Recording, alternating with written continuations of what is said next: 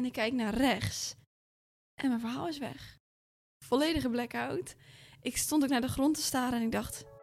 Ik heb echt totaal geen idee meer waar ik het over had. Ik wist niet meer wat ik al verteld had. Ik wist niet meer wat ik nog moest gaan vertellen.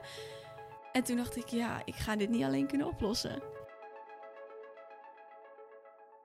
Welkom dames en heren bij een nieuwe aflevering van Faalverhaal. Vandaag is Lotte bij mij aan tafel om haar grootste faalverhaal met ons te delen. Lotte, welkom. Leuk dat je er bent. Dankjewel. Kun je in een paar zinnen uitleggen wat je zakelijk gezien doet? Ja, zeker. Ik geef trainingen en consultancy en keynotes op het gebied van personal branding en LinkedIn. Cool. Inmiddels wel echt een LinkedIn-expert. Zeker, ja, ja. Ik denk wel dat ik in de afgelopen vijf jaar heel veel heb geleerd over LinkedIn. En er daardoor nu ook wel eh, veel over kan vertellen. Yes. Nou, daar kunnen we later nog op ingaan. Maar eerst willen we het toch even hebben over je faalverhaal. Ja. Laten we erin gaan duiken. Wat is er gebeurd? Wat er is gebeurd. Ehm, dan gaan we eigenlijk an- anderhalf jaar terug in de tijd. En toen mocht ik staan op het podium waar ik letterlijk van had gedroomd. Dat was achteraf misschien al een beetje zorgelijk. Maar het was, eh, ik was al een aantal jaar bezig met LinkedIn en personal branding. En ik liet me veel zien online. En toen had ik op een gegeven moment voor mezelf het doel gesteld. Ik wil de komende jaren wil ik heel graag op podia gaan staan. Maar ja, hoe kom je daar? Dat is best wel een uitdaging natuurlijk. En ik wist, ik moet op die podia gaan staan, wil ik aan mijn autoriteit gaan werken. En dat moet verhoogd worden. Ik was natuurlijk ook nog vrij jong. Maar goed, ja, hoe kom je daar? Nou, toen dacht ik, oké, als ik nou nu wat aantal podia mag opschrijven waar ik echt in een droomwereld zou mogen staan, dan kan ik daar naartoe gaan werken. En toen had ik dus opgeschreven als doel, eh, binnen nu en vijf jaar wil ik op een podium staan, zo groot als dat van IMU Live, en vertellen over personal branding. Dus toen ik ook dat doel later teruglas, las ik dus ook dat er stond zo groot als IMU Live. Ik durfde nog niet op te schrijven dat ik daar wilde staan. En eh, ik denk nadat ik het doel had opgeschreven, dat een half jaar later kreeg ik een berichtje van de eigenaar van IMU, de mede-eigenaar. Eh, Lotte, zou jij op ons podium willen komen spreken over personal branding? Nou, dan weet je natuurlijk niet wat je overkomt. Ik heb ook alleen als reactie eerst gestuurd ja. Toen heb ik mijn telefoon weggelegd, omdat ik bang was dat ik anders niet ja durfde te zeggen. Uh, en toen heb ik later gezegd, ja, het lijkt me heel erg tof om dat te mogen doen. En toen kwam het voorbereidingstraject natuurlijk voor zo'n uh, voor zo'n klus. En ik wist eigenlijk helemaal niet hoe dat werkte. Het enige wat ik tot dat punt had gedaan was training geven. Maar training geven is echt iets heel anders dan een half uur een keynote geven. Dus vanuit een soort van controle drang ging ik eigenlijk die hele keynote uitschrijven, woord voor woord. En ik heb mijn keynote denk ik echt een stuk of 50 keer opgenomen, teruggekeken. Nou, was verschrikkelijk. Totdat ik het echt gewoon bijna kon dromen wat ik ging vertellen. Nou, ik dat podium op, hartstikke tof natuurlijk, helemaal in een leuk pakje gezen.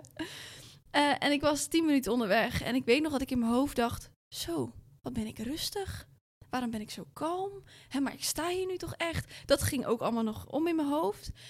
Maar tegelijkertijd ben ik aan het praten, want ik hoefde er niet over na te denken, want ik had het allemaal uit mijn hoofd geleerd. En er gebeurt rechts in de zaal, laat iemand iets vallen, wat zou moeten kunnen natuurlijk. En ik kijk naar rechts en mijn verhaal is weg. Volledige blackout. Ik stond ook naar de grond te staren en ik dacht, ik heb echt totaal geen idee meer waar ik het over had. Ik wist niet meer wat ik al verteld had. Ik wist niet meer wat ik nog moest gaan vertellen. En toen dacht ik, ja, ik ga dit niet alleen kunnen oplossen. Dus toen heb ik uitgesproken: Sorry jongens, ik denk dat dit is hoe een blackout voelt. Um, en toen verwachtte ik natuurlijk een totale stilte, want je, je hebt heel veel angst op dat moment. En toen ging iedereen staan en juichen en klappen. En ik hoorde van alle kanten: Doe maar rustig aan, komt goed, je krijgt je verhaal weer terug. Dus toen werd ik daar weer heel rustig van. En um, toen had ik mijn verhaal weer terug om een paar minuten later weer mijn verhaal kwijt te raken.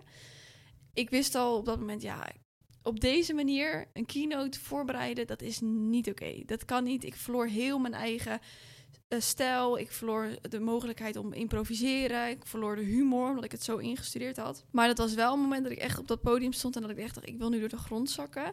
En ik durfde eigenlijk achteraf niet die foyer meer in te lopen, omdat ik echt dacht, ja, mensen vonden dit verschrikkelijk. Nou ja, dat is achteraf wel meegevallen. En wat doet zoiets met je zelfvertrouwen? Durf je daarna weer op het podium te staan? Ga je je anders voorbereiden? Wat, wat neem je daarvan mee? Nou, ik moet wel zeggen, toen ik klaar was met mijn talk, was het applaus heel groot. En ik had daarna nog 30 minuten QA. En daarin had ik voor mezelf me echt wel herpakt, zeg maar. Omdat ik daar kreeg ik ineens weer de ruimte om echt gewoon mezelf te zijn. En ik wist natuurlijk niet wat voor vragen er gesteld zouden gaan worden. Dus daar kon ik ineens gewoon weer gewoon echt, echt antwoord geven. Um, achteraf de foyer nog wel ingelopen. En toen kreeg ik heel veel complimentjes. Van ja, het feit dat je juist hebt doorgezet en het hebt uitgesproken, dat is juist hartstikke goed. Maar dat betekent niet dat het eerstvolgende podium vond ik heel spannend. Want ik dacht, één keer een blackout, dat kan. Kan een foutje zijn, kan je een keer gebeuren, maar twee keer een blackout, dan wordt het een soort van dadelijk je unique selling point. Dat wil je ook niet. Eh, dus dat podium vond ik wel een beetje spannend. Maar ik had wel door, ik heb gewoon de verkeerde vorm van voorbereiding gekozen. En daar zat het probleem vooral. Niet omdat ik me niet fijn voelde op het podium, want ergens voelde ik me daar dus heel kalm. En ging dat me dus wel heel goed af. Maar ik dacht, als ik de voorbereiding nou verander, dan zou dat het resultaat ook heel erg moeten veranderen. En ja, ik heb daar misschien juist meer zelfvertrouwen door gekregen, omdat ik wist, oké, mijn grootste angst die je kan hebben als spreker, die is me in mijn eerste grote klus meteen overkomen. Maar ik ben het ook overkomen.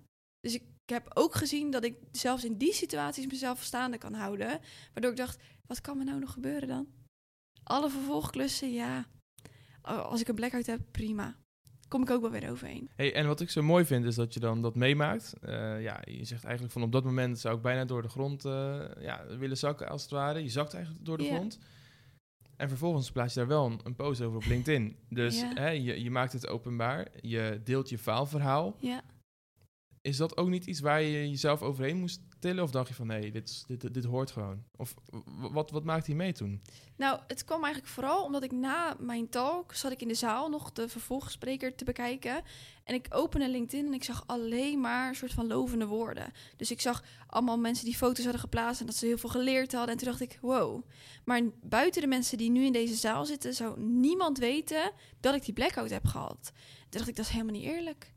Want mijn hele, de kern van mijn personal brand draait om eerlijkheid. En draait om je fuck-ups durven delen. En draait om ook de andere kant van de medaille te laten zien. En toen dacht ik, ja, als ik nou het hierbij laat, dan denkt eigenlijk iedereen dat ik een geweldig optreden heb gegeven. En het was ook leuk, maar het was zeker niet perfect. Ehm, dan vind ik dat ik dat ook met mijn netwerk moet delen. En je ziet dus ook dat dat soort berichten juist heel erg raken bij mensen. En dat, ja, dat gaat, ja, zo'n bericht gaat gewoon viral. Ik wil even terugpakken naar het moment dat je te horen kreeg van... hey, je mag op het podium van IMU gaan staan. Wat was het gevoel dat door jou heen ging? En wat voor advies zou je zelf geven met de kennis van nu? Voor de voorbereiding. Toen ik dat berichtje kreeg, was eigenlijk het eerste wat ik dacht. Waar halen zij het vertrouwen in mij vandaan om mij op dat podium neer te zetten? Dat was het eerste wat ik dacht. Maar ik had nog nooit. Ik had wel veel voor groepen gestaan. Maar dat was altijd een max groepgrootte van 50 of zo, weet je wel. Dat waren altijd een beetje de kleine clubjes. Ehm, en dit waren ineens ongeveer 800 mensen. Dat is nogal verschil. Dus dat was vooral dat ik dacht, maar waarom denken zij dat ik dit kan? En waarom hebben ze vertrouwen in mij? En daar ging ik meer aan twijfelen dan dat ik per se mezelf twijfelde. Aan de andere kant wist ik ook wel, doordat ik ook dus meteen stuurde, ja, ik ga dit doen. Omdat ik dus wel zelf heel erg geloof in, je zou de kans niet krijgen als je er niet klaar voor was. Dus ik wist wel meteen van, oké, dit had nu nooit op mijn pad gekomen als ik dit niet had moeten doen. Dus ik ga gewoon en ik zie wel, nou ja, en je ziet dus dat het ook gewoon dan nog al misgaat. Eh, tenminste, achteraf gezien ben ik blij dat het gebeurd is. Maar dat het dan natuurlijk niet perfect gaat. Maar ook daar geloof ik dan weer in dat dat ook om een reden was. En natuurlijk heb ik mega veel geleerd. Ik heb in de tussentijd op veel meer podia gestaan, veel meer masterclasses gegeven. Nu bereid ik het helemaal bijna niet voor. Ik weet wat de rode draad ongeveer moet zijn en ik vertrouw nu veel meer op mijn eigen kennis. Ik vertrouw heel erg op als ik ergens sta dat ik mezelf wel red. En dat betekent niet uit een soort laksheid, maar dat betekent meer omdat ik gewoon weet dat ik krachtiger ben als ik mezelf de ruimte geef om te improviseren en te spelen met het publiek, dan als ik mezelf in van die kaders stop. Dus ik heb ook weer veel meer over mezelf geleerd en over mijn eigen trainingsstijl en over dat ik ik ging ook heel erg een plaatje proberen na te bootsen. Wat ik bij andere TED-talk-sprekers bijvoorbeeld zag. Want ik dacht, oké, dat is blijkbaar hoe het hoort. Dus zo ga ik het doen. En ik heb nu wel veel meer geleerd dat ik ben niet zoals die TED-talk-spreker. Ik ben gewoon Lotte en ik kom ook gewoon uit Rotterdam. En ik ben ook gewoon maar 26. En we gaan nou niet doen alsof ik ineens alle, wereld, alle kennis in pacht heb. Dus ja, daardoor gewoon veel meer vertrouwen op mezelf. Uh, dat heb ik daardoor zeker geleerd. Ik had laatst Christ te gast, Christ Koelen, en die had het over verschillende vormen van falen. Uh, Ja. Volgens een onderzoek van, uh, van een professor aan Harvard. En dit is een heel mooi voorbeeld van intelligent falen. En intelligent falen is eigenlijk um, een vorm waarbij je dus op zoek gaat naar nieuwe dingen die je nog niet hebt gedaan. Hè, met de kans op falen, om daar dus zoveel mogelijk uit te leren. Dus ik vind het een heel mooi verhaal om ook te la laten horen aan onze luisteraars. Dat ja, je eigenlijk op zoek moet gaan naar nieuwe manieren om dus te falen. En dat die angst om te falen, en dat vind ik ook heel leuk van je verhaal, dat je dan ja hebt gezegd en gelijk je telefoon hebt weggegooid. Ja. Tenminste, weggelegd. Ja, ja, precies.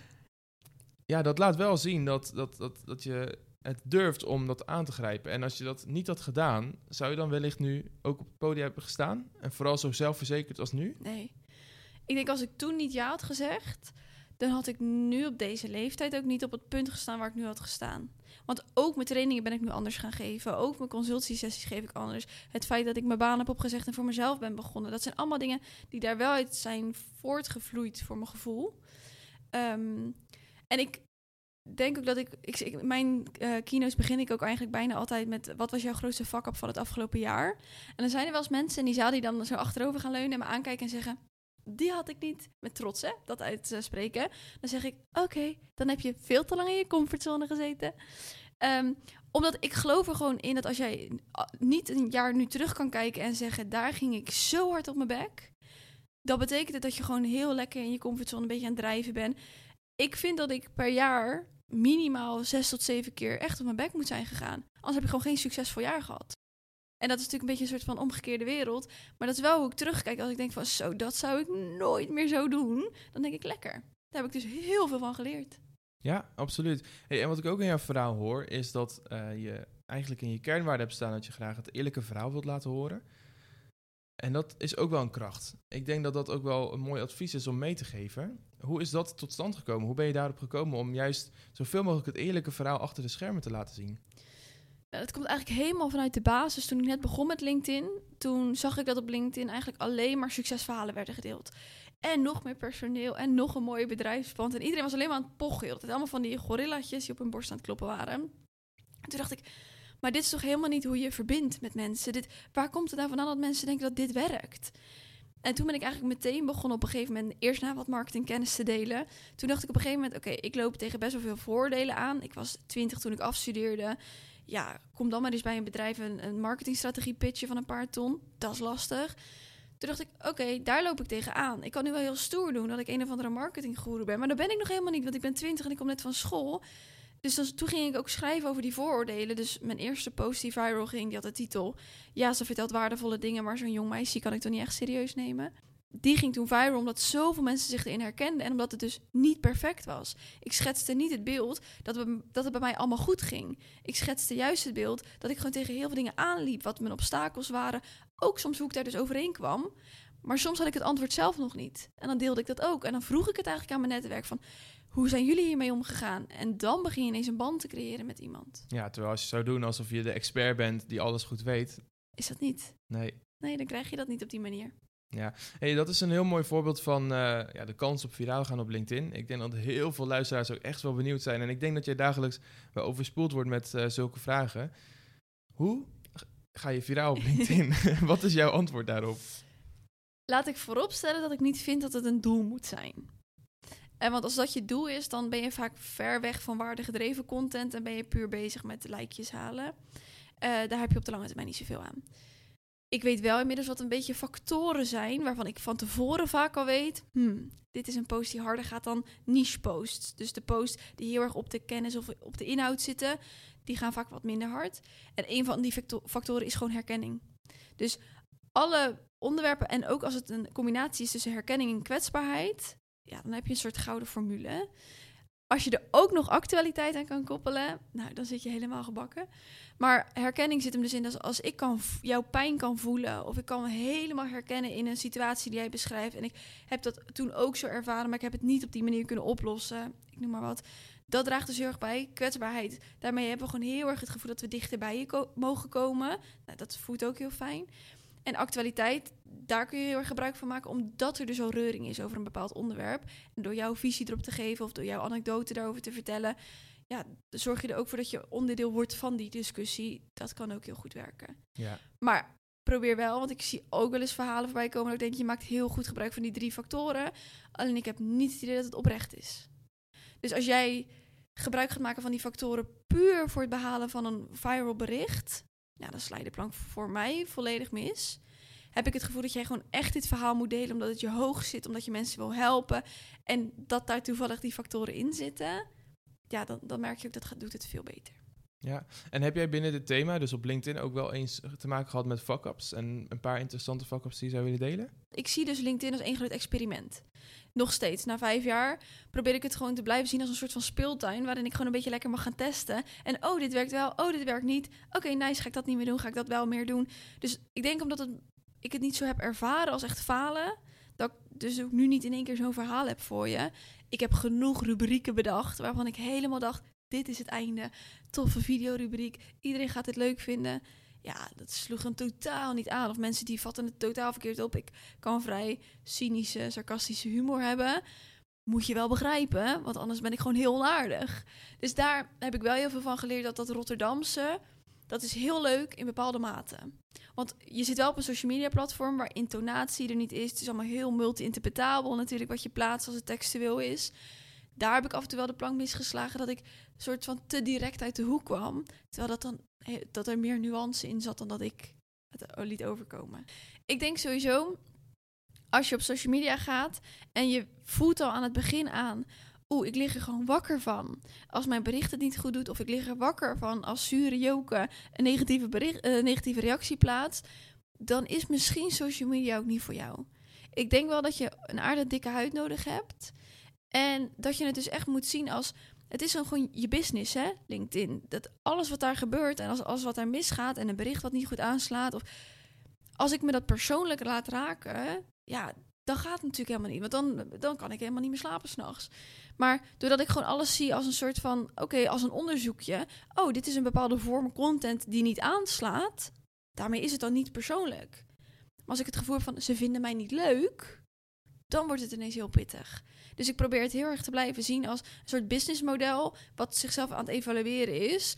En waarbij ik gewoon het meer zie als kritiek op, mijn, op de content in plaats van kritiek op mij als mens. Ja, maar ik zie nu wel een meer zelfverzekerde lot tegenover me. Zou je ook hetzelfde zeggen op je 20-jarige leeftijd, toen je ook te maken kreeg met negatieve reacties? Dat is een hele goede vraag, ja.